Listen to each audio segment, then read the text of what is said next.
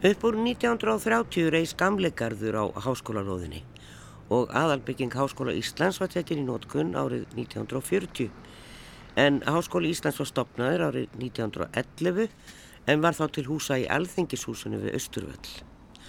Allagötu síðan hefur verið byggt á háskólasvæðinu. Við ætlum að skoða okkur aðeins um á svæðinu í þættinum í dag því að nú er loks verið að vinna rammaskipulag fyrir svæðið.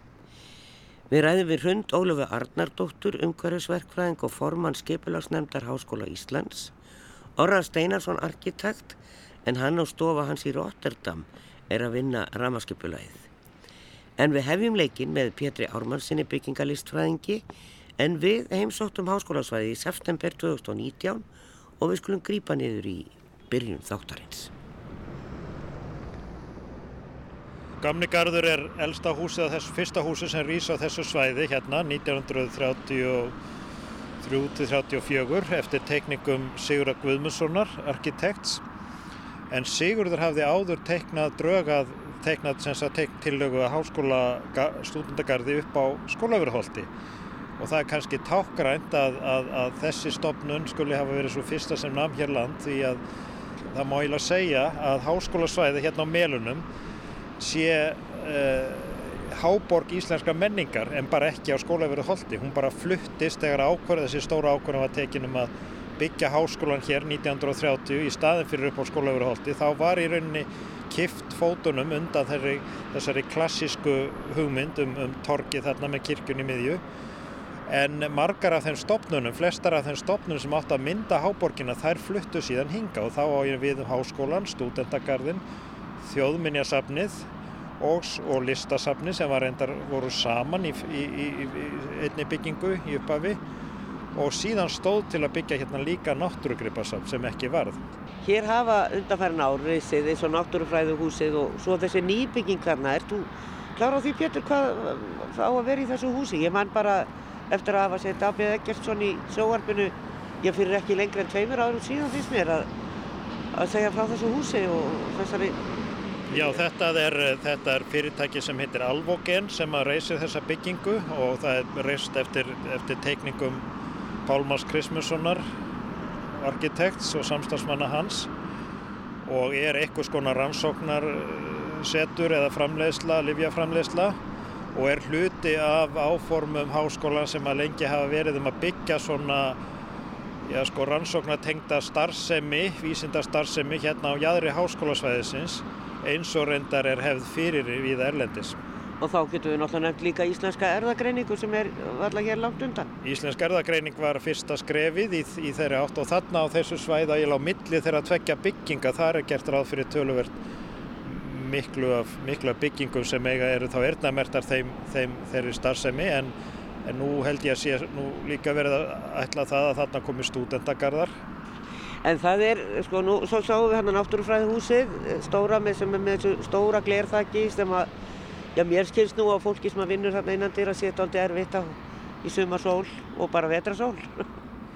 Þetta má segja það að þetta hús hafi sé byggt við, byggt, byggt á mjög erfiðum stað, sko, byggingarlistarlega séð vegna þess að það er við hlýðina á einni helstu perlu sem byggð hefur verið hér á landi og vandin sá að þetta er náttúrulega Norranna húsið sem er, sem er hérna eftir franska arkitektin Alvar Aalto eins og flestir vita að það er til dæla lítil bygging og það er mjög erfitt viðfánsefni að setja svona stóra mikla byggingu við hliðina á þessu húsi og, og var afal umdeilt. Það var í rauninni kannski ekki hægt að ætlast til þess að öðru en þetta hús er því frekar hart dæmt en, en það hefur nú hérna vanist vel og mér finnst nú sko, mér finnst það að tröfla mér nú minna núna það gerði kannski upphafi og mér finnst það sumuleiti fallegt að sjá það upplýst á, í skamdeginni yfir tjörnina Já. þannig að þetta er nú alls ekki svo það er nú kannski aðri hluti sem að tröfla mig meiri umhverju Norrannahúsins heldur en okkur að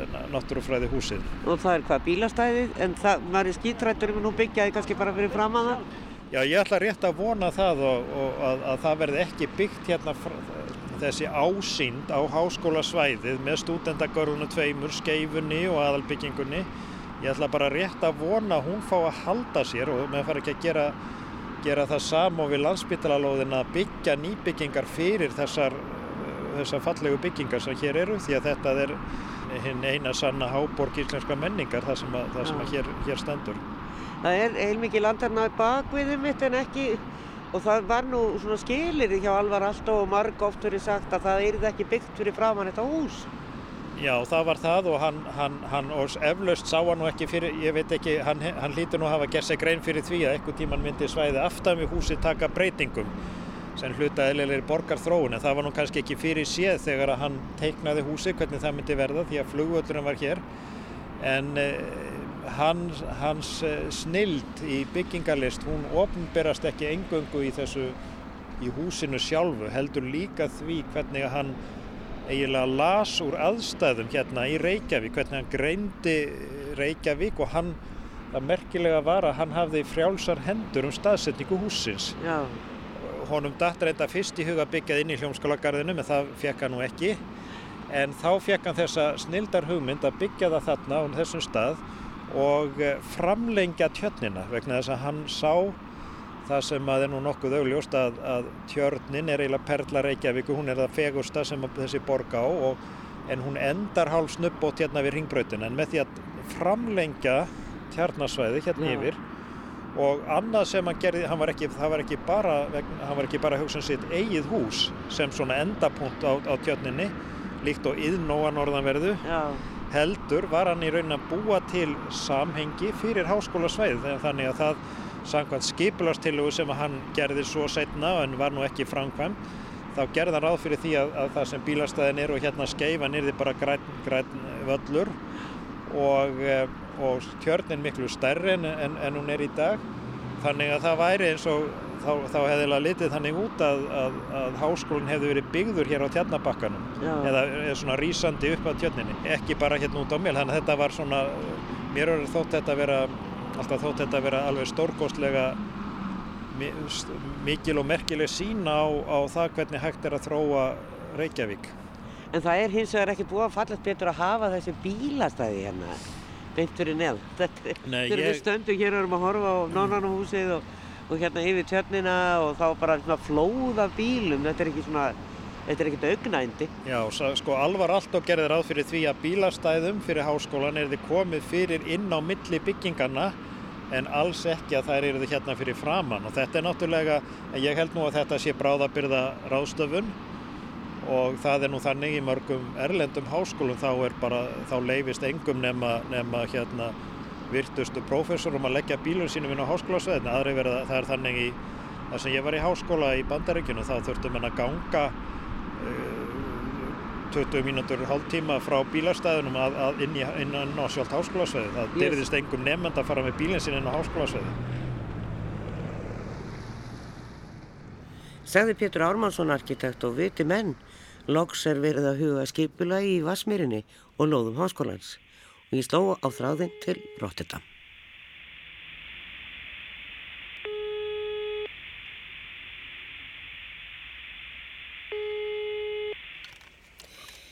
Já, við ætlum að ræða sem sagt aðeins við Orra Steinarsson arkitekt sem starfar í Rotterdam og rekur það stofi á samt hollenskum félögum sínum en Orri hefur unnað að ýmsum málum hér í, á Íslandi meðal annars rammaskipulag fyrir Flensborgarhöfn í Hafnafyrði, deilisskipulag í Guðunesi sem hann kallaði fríríki frumkvæðluna þegar við spjallum saman.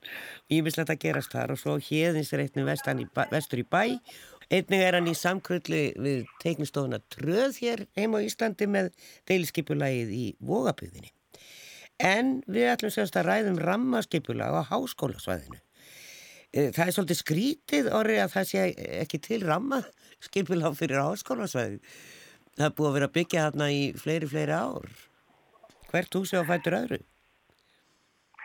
Já, það er í rauninni, má segja, til löngu tímabært að, að, að, að það verði gert rammaskipula og staðfest sem er svona stefnumótandi framtíðarsín og líka leiðbenning fyrir í rauninni líka húsahönnuði. Þannig að allir séu svolítið á sömu blaðsíðunni hvert svæðið er að stefna þannig að það er, það er, það er réttjáður, það er mjög tímabært eftir að margir stórir og sögufræðir arkitektar og, og hönnuður hafa komið aðeins og Guðjón Samuels og Al, Alvar Aldó sá finski en það vantar alveg heldasínina. Já, það er alveg rétt.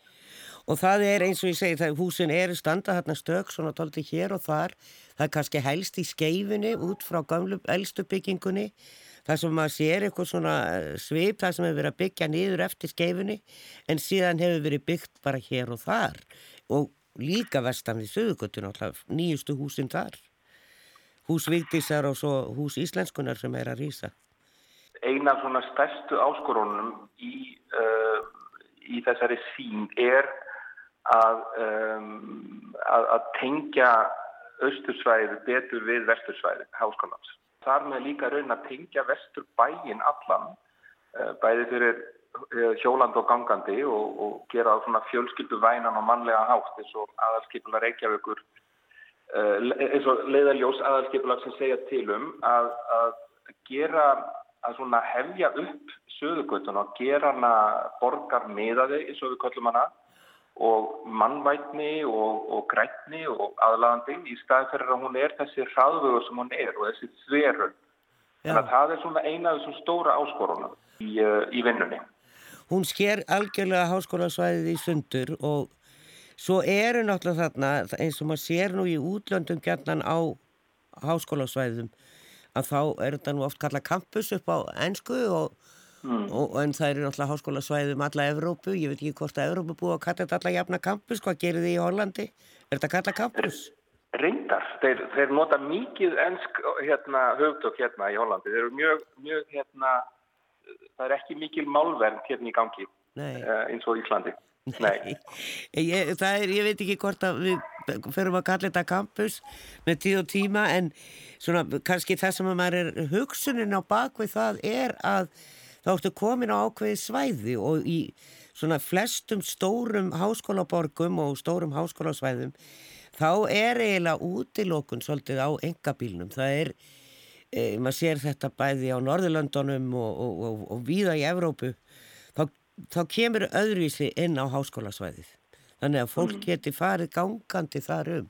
Er inn í rammaskipulagi eitthvað hugsa fyrir já, öll þessi bílastæði sem eru þarna báðu megin við göttuna? Við sögum guttuna sko, því þá við.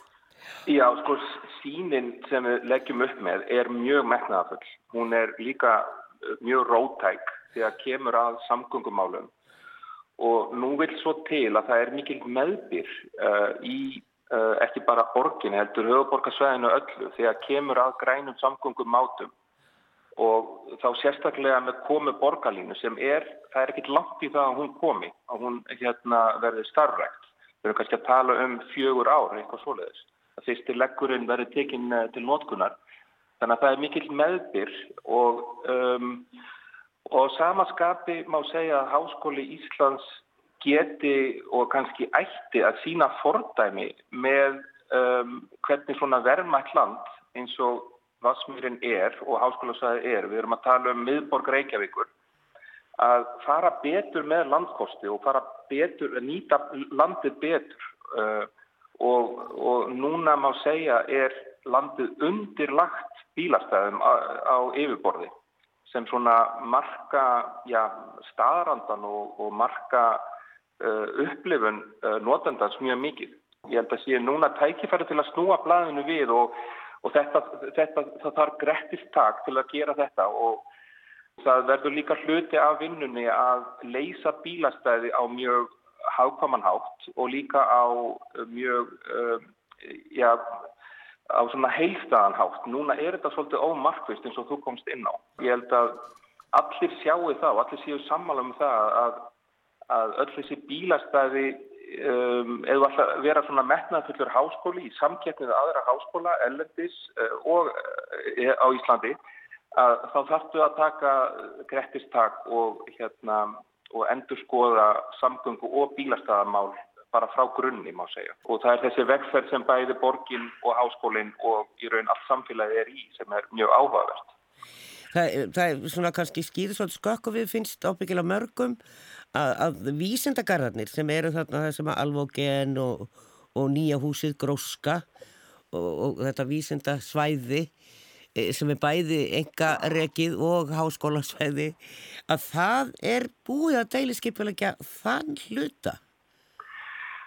Já, þar var, uh, í fyrsta lagi var, er mikil eftirspurn uh, eftir lóðum og sá, semst, vísindagarðurinn sem, uh, sá reytur sem var á sínu tíma útlutað vísindagarðum, hann er óðum að klárast og þar var fyrsti vísirinn íslenska erðagreining og, og kolla kollu er að koma stór og öllu fyrirtæki og, og hérna, og þar má sjá vísi af svona þjættingu byggðar og þessu, þessari nýju Reykjavík. Þannig eru húsin, þannig að standa húsin þjætt við, þjætt við hvort annað. Þannig að það deiliskypulag má segja sé fullt klárað en það sem þarf núna gerast með komu borgarlínu inn á háskólasvæð og fram hjá vísendagorðum að það þarf að koma fyrir uh, byggðstöð fyrir borgarlínu uh, á góðum stað. Þannig að það þarf að finna henni góðan svona samastað og hún þjónar náttúrulega ekki bara vísendagörðum heldur hluta líka af uh, háskólasvæðin. Það er náttúrulega sko stundagarðar hérna, fjölmennestu stundagarðarnir uh, fyrir háskólan, þarna bara uh, sunnan við háskólan og náttúrulega gamle garður er þarna og síðan er nýja garður sem er nú eiginlega bara orðin eh, skrifstofu bygging og nýtist fyrir eh, deildirsk eh, háskólans. En svo er fullt af nýjum byggingum hérna og gamlu háskólagarðarnir sem á alveg þarna út í litla skerjó. Og sem eru náttúrulega á lóð háskólans og svo er náttúrulega náttúrufræðistofnun hlýtur að vera á lóð háskóla Íslands en ekki á en til er það hús þessu skipula í vísendakarða Já, í, er, sko þannig það reynda til er ekki kannski skipula í vísendakarða heldur má segja að til er í uh, háskólanum sem slíkum og það er náttúrulega hliðin á Norræna húsinu uh, og það er svona hús sem hefur sérstöðu í umhverjuna því að það tengist beint við friðlandið um, en, en það hús var í rauninni byggt áður en vísandagarðar voru skilgrendir sem slíkir og voru, uh, já, voru byggðir þannig að það hús kom fyrst af öllu. Ég hef stundum minnst á, á Freskati eins og að kalla það er kampusinn í kringum háskólan í Stokkólmi heiti Freskati vegna þess, já ég veit ekki út af hverju, þetta er skýrt eftir einhverju ítalskri borg en þar einmitt er búið að losa alla bíla út og þeir profesorar og aðrir sem að vilja koma á bílum inn á svæði þeir leggja næri því 10 km í burtu og taka lestina inn Já. við hefum náttúrulega ekki lestar en við erum að fá þess að borgarlínu mm. og uh, ofta er því stýrt líka þannig að stúdendar fá bara hreinlega strætókort eða lestakort og til þess að koma inn á svæðið og það kostar bara formu og ef þú ætlar að fara að leggja eitthvað bílastæðahús sem er nálagt þá kostar það bara mjög mikinn pening Já. þannig að valið verður yfirleitt strætókortið Já, sko það er raun að hengur málsins er náttúrulega, það er í fyrsta leið náttúrulega mikil bílanótkun uh, og, og það er að fara að breytast. Uh, ef, ef svona markam á spár uh, umferðarvenjur og svo er það náttúrulega líka að ef bílastæði eru gjaldlaus að þá er náttúrulega þá ertu svolítið að hvetja til nótkunar þannig að þetta þarf allt svona að haldast hendur í, í hendur uh, þegar að kemur að samgöngumálum og að bílastæða lausnum. Já. Við tókum til dæmis, við erum skipilashönnuður fyrir stóran kampus hérna í Rotterdam sem heitir Erasmus háskólinn og er, er um, uh, já, stærsti háskólinn hérna í Rotterdam og þar var svona svipað upp á tegninum eins og í háskóla uh, Íslands og reyndar í háskóla Reykjavík líka að, um, að þar var uh, mjög ódýrt að leggja bílum bara á kampusnum og, og bílanvotkun var mjög mikil og, og á einhverjum tímapunktu þá erum við að tala um fyrir tíu árum þegar við fórum í að endur gera allan hérna kampusinn að þá um, lögðum við til að vera með byggðarlausnir, að fara með bílastæðin uh, neðjarðar og það er náttúrulega er engin háskóli sem tekur upp byttuna og borgar fyrir uh, dýrt bílastæðahús uh, þeir vilja frekar náttúrulega setja peningin í mentun og það þurfti tölverkt svona samfæringan kraft til þess að koma þeim hugmyndum áleiðis en í dag er sko upplifunin uh, og er líka eh, hvernig, hvernig enguna matið er frá nefndum og starfsfólki. Þessi, þessi garður raug upp í vinsaldum vegna þess að það er verið að fjárfyrst í umhverfunu, það er verið að fjárfyrst í hjólastæðalösnum, það er verið að fjárfyrsta í, uh, í blágrænum ofanslösnum og gróðri og svona mannlegu umhverfi og, og þetta skila sér allt tilbaka. Þetta, í dag er þetta, hérna, er þetta, þessi campus fullur af lífi, hann er yðand af lífi uh, á nánast öllum dögum ásins, þannig að þetta skila sér alltaf á móti og, og almenningsrými er tiltölega ódýrt, komur að segja, ódýrt að, að fjárfyrsta í og jafnvel að reka með við, með við hérna, byggingar. Og þetta er það sem þú ætti að fá tilbaka að ímynd áskólasvæðisins uh, markast mjög mikið af almenningssvæðinu og, og, og hönnun þess og upplifun. Saði Orri Steinarsson arkitekt. Hrund Ólaf Arnardóttir umhverfisverkfræðingur er formaður skipulagsnefndar Háskóla Íslands og við fengum okkur gangutúr í vikunni og hefjum leikinn vestan Suðugötu. Þar er ímislegt á döfinni. Við erum komin hérna út á, á háskólanóð og eh, erum hérna sem sagt vestan megin við eh, Suðugötuna og e, þá náttúrulega þegar við snúum okkur hér í hring þá sjáum við náttúrulega Hotel Sögu sem er mjög ábyrgand og verður nú kannski partur af háskóla umhverfinu, það er nú eitthvað verið að ræða um það. Sjáum e, hús Íslenskunar sem er verið að byggja, hús Vigdísa Fimboðadóttur og e, síðan eru byggingar hér sem eru búin að vera hér nokkuð lengi fyrsta sem ég kom inn í þessar tvær hér, eða aðra af tveimur sem að standa eiginlega hér út við Hjarðarhaga. Og uh, svo er þetta svona svolítið sérstakbygging sem er svona stölluð sem ég held að sé nú meira á minna verstaði og svo er, uh, nú mann ég ekki alveg hvað er eitthvað teknikarður held ég að það kalla hérna með grænum hlutum og svo er náttúrulega endurmöntun og raun uh, greinadeildin og allt það er hérna, hérna megin við göttuna. Svo er þetta litla fallega hús sem að var einhvern veginn póstur og sími held ég, gamla daga. Og við samt um tíma en ég veit eitthvað er, er það núna. Og svo er náttúrulega slatti af bílastæðum. E, Hrundallar að svona taka með mér þennan göngutúr hérna. Við ætlum að labba svona hérna niður að fara yfir söðgötun og ganga niður að svona kannski eldri byggingum háskólans. En, en það er kannski Já, við vorum að tala svolítið um campus og ég var að minnast á háskólalóðin í Stokkólmi sem er kallið Frascati sem að er vist í höfið á Ítalskri borg og engi veit af hverju eh, háskólasvæði þarna í stúra háskólasvæði í Stokkólmi heiti Frascati ég gæti ekki komast af því. En þá er maður að koma inn á svæði þar sem að bílar eru kannski bara hrjulega bannaðir. Þú hefur ekkert leiði til að keira upp að þinni byggingu, kemur bara öðru í sinna svæði. Þetta er svona kannski það sem að þið eru að leggja ykkur úr hóknum. Mm -hmm. Þú ert formaðið skipulagsnefndar háskólans og ég get ímyndað mér að þau skipta skoðanir.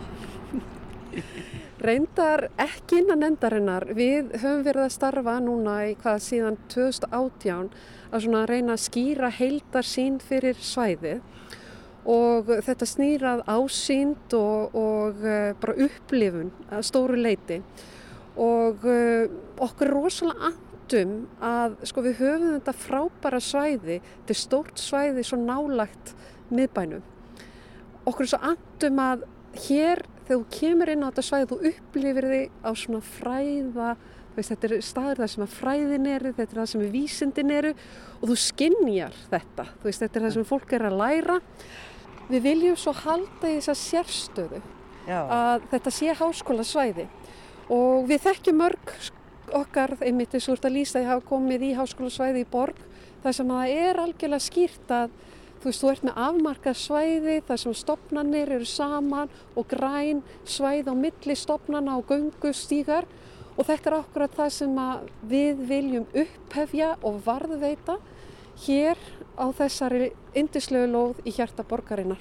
Hvað á háskólan mikið land hérna? Eða ríkið er það náttúrulega en Hvað, hvað, af því að það er endalist byggt og það er nú nýbúið að taka nýtt hús í nótgunn hérna stamægin við, grósku. Sko, svæði sem við höfum verið að skoða afmarkast í raun og veru af uh, friðlandinu uh, við ösku og alla leðina hingað upp að uh, Dunhaga í Vesturbænum. Já. En svo eru við auðvitað líka með læknagarð sem við viljum tengjast betur sem er þá á landspítala lóðinni. Já. Þannig að það er svona megin svæði sem við höfum verið að skoða og við höfum virkilega sko í þessari atreinu lagt mikla áherslu á sko hvað er það sem við viljum fá út úr þessu svæði og það er svona nokkur atriði sem bara kemur skilt fram í stefnu Háskóla Íslands. Okkur langar til þess að vera háskóli með alþjóðlega vikt og eftir sókn að vera staður, ekki bara fyrir Íslendinga heldur fyrir alla. Við viljum laða okkur hæft fólk og við teljum að veist, háskóla lóðin og upplifinu hér muni hjálpa okkur til að ná þeim markmiðum. En kannski svo aðal sérstaða sem að við höfum svona í alþjóðlegum samaburði er annars vegar þessi þetta stóra svæði í svona miklu návi við miðbæinn. Við sjáum miðbæinn bara mjög fallega frá aðalbyggingunni. Já. En hitt sem er algjörlega sérstatt líka er græna svæði fyrir framann, Vassmýrin. Og það er náttúrulega bara, sko, þegar áskólinn vísa sem tíma sem átti nú að duga í hundrað ára held ég að það hefði verið lagt upp með þegar Guðjón teiknaði hann og það er svo fallega loð þar fyrir framann sem að ég ger nú ráð fyrir að verða aldrei snert. Já, ég meina við viljum að sérst, upphefja græna svæð þar, skeiðugarðinn sem er þar en ef ég má byggja þig að stoppa hér, ég verði eiginlega að við verðum að, við erum komin hérna á söðugötuna og Þetta er í raun og verið eitt af þessu stóru akkilisarhælum núna á lóðinni. Upplifun allra hérna háskólaborgarna er að Suðugatan er bara í raun og verið eins og nýfur sem sker lóðin okkar og starfsemin í tveit. Og margir tala um það eins og þegar ég var hérna nefandi að við fórum aldrei yfir Suðugutuna. Við höfum aldrei neitt að gera yfir Suðugutuna, við vorum bara först hérna meginn og Þetta er eitt af því sem okkur langar til þess að breyta og nú sjáum við með tilkominn borgarlínunar hér geti orðið bara mikil unnbreyting til hins góða með því að gera þessa götu meira svona að uh, vist götu. Hitt sem okkur langar til þess að gera er að reyna að, að styrkja sko, þessar tenginga frá vestur í austur þannig að það sé létt að lappa hérna yfir og greiða það. Já. og líka bara benda hér á stöndum við, við tröppurnar sem að leiða okkur niður í árnagarði Já. hér er svo bratt að þú veist, fólk með uh, reyfihömlun það bara kemst ekki hérna niður. Ég þór ekki einu svona hjóla niður þetta. Já, ég er er, er hérna mikil skræfa. Og það sem við viljum gera er að mýkja þennan rosalega landhalla og búa til veglega göngu ás sem að tengir okkur þvert yfir sögugötuna yfir í kjarnastarfsemina handan, tæknikar, vafferbyggingarnar og hafa þetta það breyta sér líka aðlægandi að hjóla. Sko, Þannig að göngu og hjólastígar. Það er náttúrulega undirgangur hér undir en það ekki suðugötur inn í hús Víkísar. Já, sem hefur algjörlega bara í raun að veru umbreytt. Sko okkar lífi, þú veist, þetta er kannski svona aðaleiðin hérna á milli á vetuna til dæmis. Já að fara í gegn þessu undirgöng og uh, alveg gífurlega vel hefnuð. Okkur langaði líka að vera með breið undirgöngu undir söðugötuna og skoðum þann möguleika. En það er bara, það er aðeins svo þraugt fyrir okkur. Já. Þetta er bara svo rosalega erfitt. Þannig að núlega erum við að horfa til þess að mýkja þannig landtalla og í raun og vera að vinna með þetta landslá. Það sést mjög vel hér þar sem við erum að horfa á gablin á Íþróttahúsinu. Íþróttahúsinu sem er mjög fallegt yeah. og mjög fallegu garðiðkring. Það er svona svolítið svigrum sem myndast hérna, mikið allt saman. Þannig að það sé ekki allt svona bara, þú veist, tröppur og... Já, það er og... ekki eins bratt þarna, maður sér það. Já. Við skulum, við erum alltaf hérna aðeins lengra nýrðir. Við verðum að fara það mjóar tröpputur, við verðum að fara hérna sikurum eigin við. Það eru ímsæðir svona hömlur sem að, e, e, svona tilhæra fyrri tíð að því að það er nú komið, það er komið nokkuð mörg ár síðan að til dæmis átnagarður var byggður og mörg þeirra húsa sem við nálgumst núna, það er, var ekkert verið að pæla eins mikið í aðgengi fyrir alla til dæmis. Og, og þetta er eitthvað sem við þurfum að breyta, við viljum styrkja þetta. Núna eins og þess að tala um húsveitísar er að þetta komast í gegn þar, en, en það eru mjög fáir sem að svona af kannski gestum sem er kannski ekki veist að vinna hérna að staðaldri sem vita þeim möguleika. Og svo þetta í COVID-19 hefur þetta sko þessar tengingar verið svolítið lokaðar. Þannig að við verðum auðvitað líka að hafa styrkar tengingar ofanjarðar. Hérna erum við, svolítið við erum hérna bakvið Háskóla Torg. Það er svona nýja, með nýri byggingum hér sem að hefnaðist virkilega vel. Hortsteinar hönnuðu það hús og sérstaklega þegar maður kemur fyrir hotnið og sér svona hvernig það tengist eldri byggingum. En þetta er ekki, nei, þarna er háskólatorg, framan við okkur.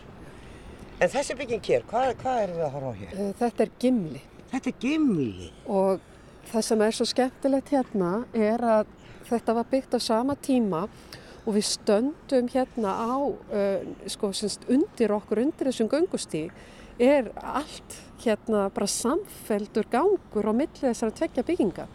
Þannig að um, með þessari þjettingu sem að Háskólatorg var, þá náðum við að tengja miklu betur starfseminna þannig að það er hægt í raun að vera að ganga innan dyra, bara í skjóli og hlýju, allarleið frá húsi Vigdísar í gegnum Háskólatorg, niður að uh, gimli og út um otta. Já, þetta er ekki mjög gammalt, þetta var einmitt að því það voru svona smá vandræði fyrir að bankarhunni var, hvað, er þið með háskólatorg en það var klárað.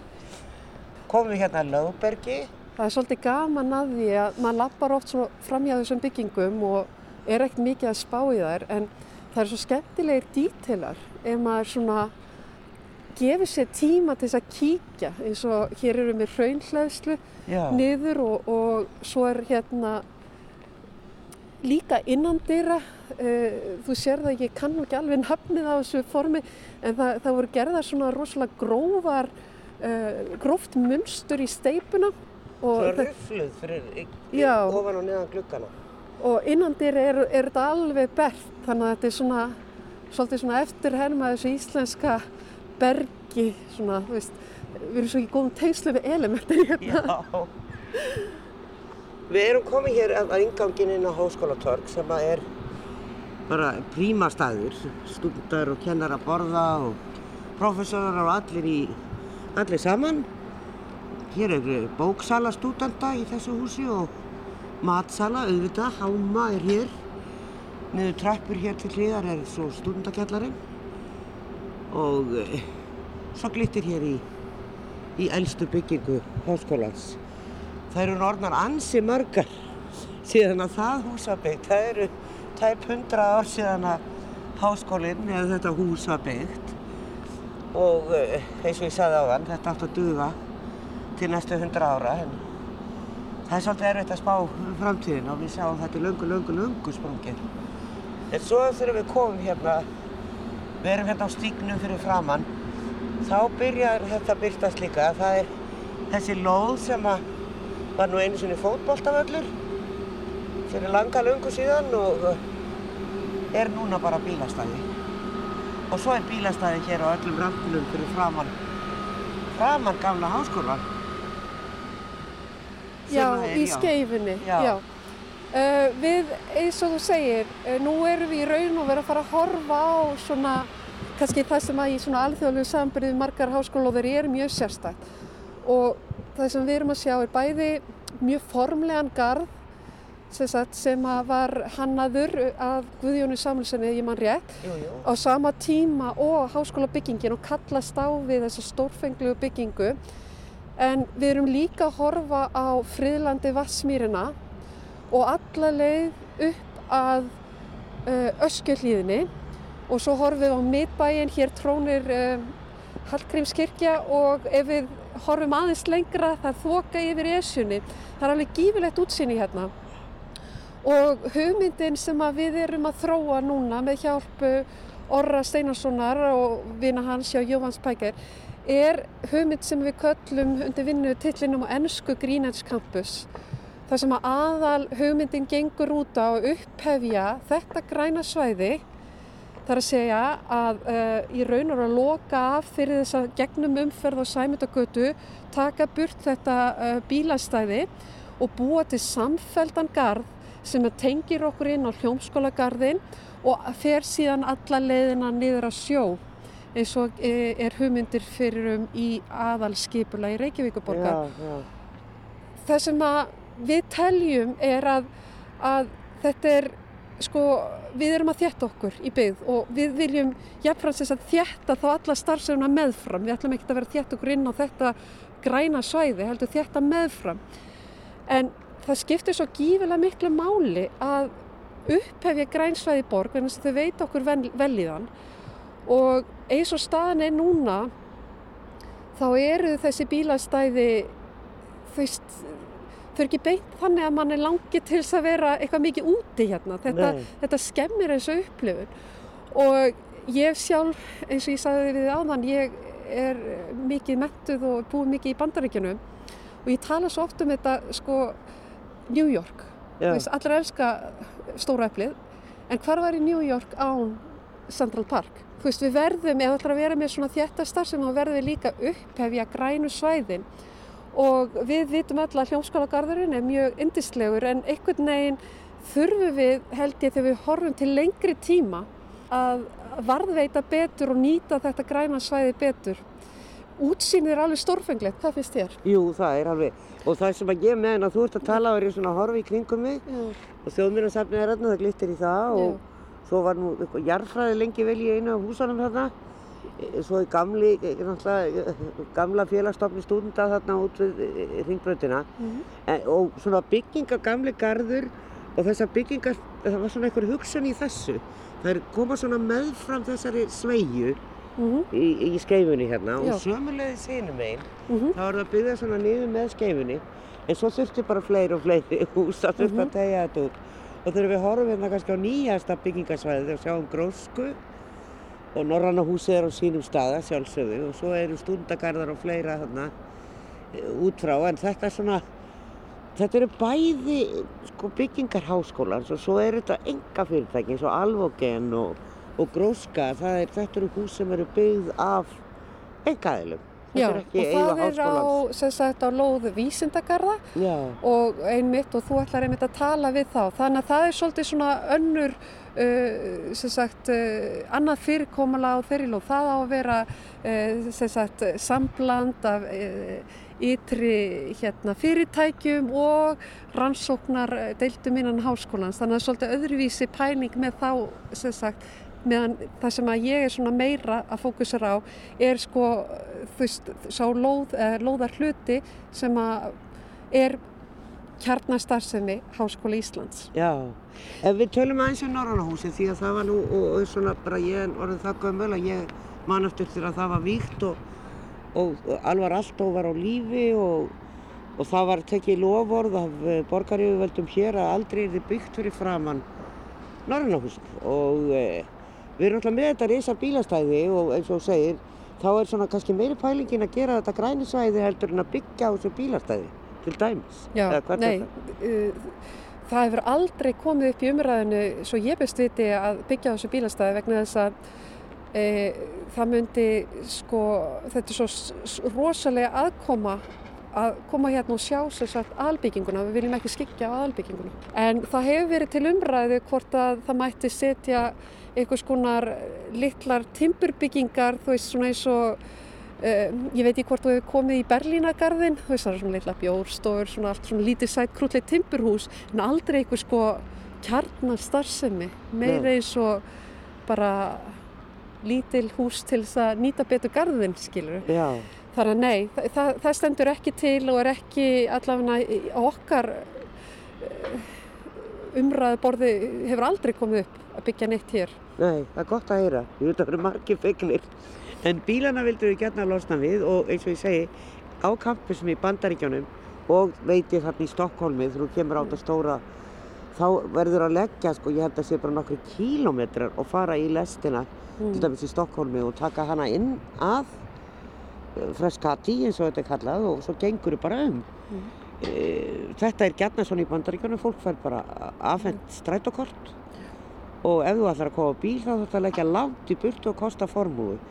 Þannig að þetta er, margir myndu kalla þetta þvingun, en fólk lærir bara fljóta á þetta og bara kýsa þetta. En það er einmitt sko það sem við erum að horfa til er þetta til lengri tíma og starfsemi eins og þessi, þú veist, ekki bara til næstu 5 ára, til, til 50 ára og það er algjörlega ljóst að, að ef við stækkum þá eru við að fara að byggja á núverandi bílastæðum. Það, þú veist, flestir, flesta bílastæðalóðunar eru í raun og veru byggingar sagt, þar sem við ætlum að byggja. Og, og þess vegna er svo spennandi borgarlínuverkefni vegna þess að það í raun og veru er innspýting inn í þá uh, framtíðarsín að gera þetta svæði meira bíllaust. Því að við teljum að með uh, svona uh, styrkari og betri tengingum þar sem að við viljum sjá borgarlínu að fara hérna í gegnum svæði inn hjá njarðagötunni, hjá gróskuhúsinu og upp á söðugötuna og vera með þrjú stopp á þessu svæði þá er þetta orðið miklu léttar og aðlagandi að koma með almenningssamgöngum hinga. Nákvæmlega. Við ætlum að ræða þetta einmitt betur við Orra Steinarsson hér á eftir. En e, við erum búin að fá að heyra hérna svona aðeins hvað háskólan er að hugsa á sínu svæði þannig að það er ekki bara verið að pota niður húsi hvar sem er. Nei, aðal hugmyndafræðin með grænum edge eða grænjæðri campus er að upphefja skeifugarðin og vatsmýrina sem heilstætt græntsvæði sem kallast á við hljómskólagarðin og hins er að þjætta alla starfsemina meðfram. Uh, Háskóli Íslands vil vera saminaður, við viljum frá metavístasviði hérna inn á lóðina. Þannig að það er svona eitthvað verkefni sem við erum búin að reyna að vinna öturlega síðastleginn tíu ár. Og við teljum okkur líka, munum, við munum stækka í framtíðinni þannig að við sjáum fyrir okkur að við viljum þjætta og með þjættingu þá skapast tækifæri til samvinnu og við þegar erum að upplifa það nú miklu meira heldur við gerðum áður, það er ráðna miklu meiri samræður á millifræðasviða og hver veit hvort það sé ekki að hluta til vegna betri tenginga uh, háskólatorg sem er hjartað okkar núna, stóra hjartað okkar þar sem að við komum öll saman til þess að borða og förum með bóksöluna og sækjum þjónustu. Þannig að uh, við sjáum hérna fyrir að þetta verði bara mjög spennandi og, og fallegt svæði. Uh, ég vil kannski líka minnast á það það sem er svolítið spennandi við að koma á háskólsvæði er einmitt að þið fáið svolítið insýn inn í byggingar sögu landsins. Hér eru byggingar af öllum tímabilum og mikið lagt í þessar byggingar marga hverjar eins og Uh, mikið af nýsköpni í tengslum við uh, bara byggingu uh, aðalbyggingarinnar. Vist, hvaða efni á að nota íslensk efni og svoleiðis. Þannig að fyrir þá sem elska arkitektur þá er þetta bara góði staði til þess að skoða söguna. Segði hrund Ólaf Arnaldóttir formaði skipilagsnefndar Háskóla Íslands. Já, margt spennandi á döfinni þar á bæ En við skulum slá botnin í þetta og heyra aðeins meira frá Orra Steinarsinni, arkitekt í Rotterdam. Þið eru svona í þessu rammarskipulagi, ef ég skilði rétt, að leggja áherslur á að, að Suðugatan verði svona meiri vistgata og verði svona uh, fallegri og, og sveigist mögulega og borgarlína kemur til með að ganga hana þarna á milli háskóla svæðana. Já.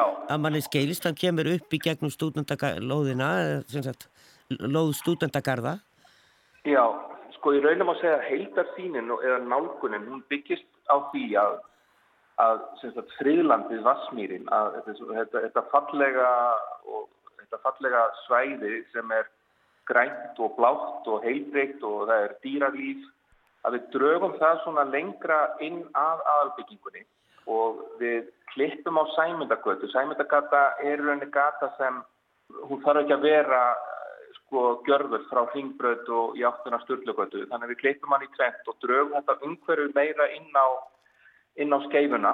Og, um, og frá, þessum, frá þessu svæði ganga grænir ásar í austur og vestur átt. Uh, og þessi grænu ásar mætast, það er að segja þeir mætast ekki heldur, þeir ganga yfir suðugötuna og akkurat á þeim punkti að þá eru, það komuð fyrir byggstuðum borgarinu þannig að þú, svona, þú skilur betur hvað þú ert, uh, það myndast þetta ný kennileiti, við, við leggjum upp með að byggðstöðurna séu ekki bara lítil skíli heldur uh, falleg, fallega hönnu svæði sem það sem hægt er að leggja hjólum, uh, jáfnvel að taka deili hjól eða leiguhjól og þessi ásar tengja raunin saman vesturbægin við Vassmýrna og, og á mjög örugan hátt. Og þú nefndir að sögata veri viskata, það er kannski aðeins og metnaðfull, ég myndur kannski ekki allan að vistgut en hún verður öruglega vistlegri uh, af því að í dag er hún hún er svolítið svona hún er háð því að það er engin bygging sem snýr í áttina að sögugötu með framhliðar. Hún er, hún er svolítið nafnlaus og svolítið andlisur og með því að þjætta byggð uh, samlega þessum grænum ásum og, og sérstaklega við suðugötu og mynda aðalenga við götuna þá upphefju götuna auk þess sem þá hérna, hún breytist umferðarlega séð úr því að vera tviðsinsunum tvær agreinar í takstæðar áttir í það að vera tviðsinsunum ein agrein með borgarlínu uh, í miðju. Þannig að má segja að svona karaktergötunar breytist mjög mikið og, og það gefur okkur kleift að, að virkilega gera götuna já, tölverkt vistlegri og, og örugari og aðlæðari. Þannig að þetta er svona samþættar aðgerðir. Ég skil orðið, þetta er eh, metnaða fullt og löngu tímabært að huga að þessu svæði í borginni sem er svo áriðandi og, og svo áberandi að það þarf að, að huga vel að því. Já, þetta er eins og ég segi, sko, þetta er, er löngu tímabært að uh, mynda framtíðasín sem er þó það sveigjanleg að það er alltaf að hlýðra til. Uh, við, myndum ekki bara ramma almenningsæði, heldur líka þróuna reyti eða sagt, reyti sem ættir að byggja og þjætta byggðina. Og það sem er líka kannski mikilagt í svona skipulagsgerð uh, er að koma með mjög góða leiðbynningar, svona hönnuna leiðbynningar fyrir arkitekt og það er ekki verið að binda hendur, heldur hreinlega verið að tryggja það að þessi gæði sem allir leggja upp með að, að þeim sé, uh, sé framsýtt að byggingar snúi rétt og það er, uh, það er svona tali við umhverfið. Uh, auknist þá er leggjum líka mikla áhersla á að byggingar séu hafið svona ákveðina aðlugunar hæfileika upp á að gera þær uh, klárar fyrir framtíma því að eins og við veitum að það eru kennslu aðferður alltaf að breytast úr því að vera litlir hópar í stóra hópa, samvinna, einstaklingsvinna Þannig að í rauninni þurfa byggingar að geta aðlægast í að breytum aðstæðum og fórsöndum í kennsluaðferðum. Eh, Svona í lokin orri af því að við erum að tala um allar helstu byggingar uh, Háskóla Íslands en svo er náttúrulega mentavísindasviði þá eftir að koma því inn, einhver hlut að því fer í nýja uh, hús íslenskunar en alls ekki allt. En svo er það lækavísindin, þau eru doldið langt frá. og uh, það kannski er uh, einhver draumur að, að þetta tengist á einhvern nátt að setja náð þeim e, einhverju tengingu þarna á milli. Uh, hvernig hugsiði það? Já, það er einmitt góð spurning vegna þess að heilbríðsvísindin er hluti af háskólasamfélaginu. En svona eðlisins vegna eðli málsins vegna þá er húsinu komið fyrir eða starfseminu komið fyrir í háskólasjúkrási um, og við leggjum mikla áherslu á að þessi tveir grænu ásar sem ganga í östur og vestur átt að þeir tengist líka þessari fallegu brú sem Studio Granda gerði yfir hingbröðina þannig að þessir, þessir, þessar deildir eru tengt þessi, þessi háskólasvæðið sjálf, kjarnasvæðið og heilbríðsvísundin tengjast á mjög sterkan hátt. Uh, auk þess þá var uh, samgefni haldinn ekki alls fyrir löngu um svona hönnun og útfæslu á friðlandinu sjálfu. Og það var einmitt uh, hugmynd uh, sem var Sigur Sæl, uh, þar að segja til að hún sigraði. Og hún gerði upp með það að, að undir ringbraut þar sem vatn, kemur saman sem sagt frá friðlandinu og rennur út í, í hljómskólagarða og er út í kjöpp að, að þar verði líka sagt, gerð eh, tenging undir ringbröð fyrir gangandi uh, vegfærandur. Þannig að við leggjum upp með það að tengja heilbríðsýstin eins, eins stert uh, við háskólasvæðið eins og, eins og mögulegt er. Uh, en það líka til að þetta allt, allt saman einni stofnum. Ég veit ekki hvort þú getur svarað því í stöttum áli en flugvöldurinn er alltaf til umræðu hérna upp á Íslandi eins og veist og það er náttúrulega í áætlum borgarinnar er til í 2040 er, er lagt til að það verði byggt á flugvöldunum og hann verði farin. E, hvernig er að gera svona rammaskipulag, svona bara heila beint og nýjana flugvöld? Bæði, sko, það er verið að vinna í borgarlínu kringum hann og það er verið að, Alltaf því að reyna að tengja heilbreyðsvísindasvið yfir hann, yfir á háskólasvæðið og þetta er, er hann höfuverku fyrir ykkur í þessari, þessu skipulega? Um, það má segja kannski öfugt, það eru svakalega tækifæri ef hann uh, fer á annan stað. Uh, og þá er ég þá sérstaklega að hugsa um tengingu úr uh, friðlandinu, úr Vasmýrinni yfir í öskullíðina með, með viðkomu í nýja hverfunu á hlýðarenda og þannig að þarna eru, þarna eru gríðarlega tækifæri til þess að mynda fallega svona græna tengingar á milli tveggja já, merkilegra staða í Reykjavík, Öskilíðin og Vasmýrin og Tjötninni og miðbænum í rauninni. Um, þannig að höfuverkurinn er, hann er kannski ekki mikil en tækifæn eru mikil um, og við, þegar við teknum svona uppdrátt að þá þá tökum við mið af aðalskipulægin og það er að segja við tökum líka mið af framtíðinni sem, sem þýðir að, að flugurinn er farin á þessum tekníkum sem við, uh, við gerum í rauninni fyrir rammarskipulægin. Tökum svona mið af þessu, þessu, þessari stefnu sem Reykjavík uh, hefur, hefur sett sér. Og ríkið. Og ríkið. Nákvæmlega. Saði Orri Steinarsson arkitekt og við verðum á svipum slóðum ef allt gengur eftir í næsta þætti og heyrum af vísendagörðum og áallunum hjá háskólanum í Reykjavík. Verðið sæl, senni.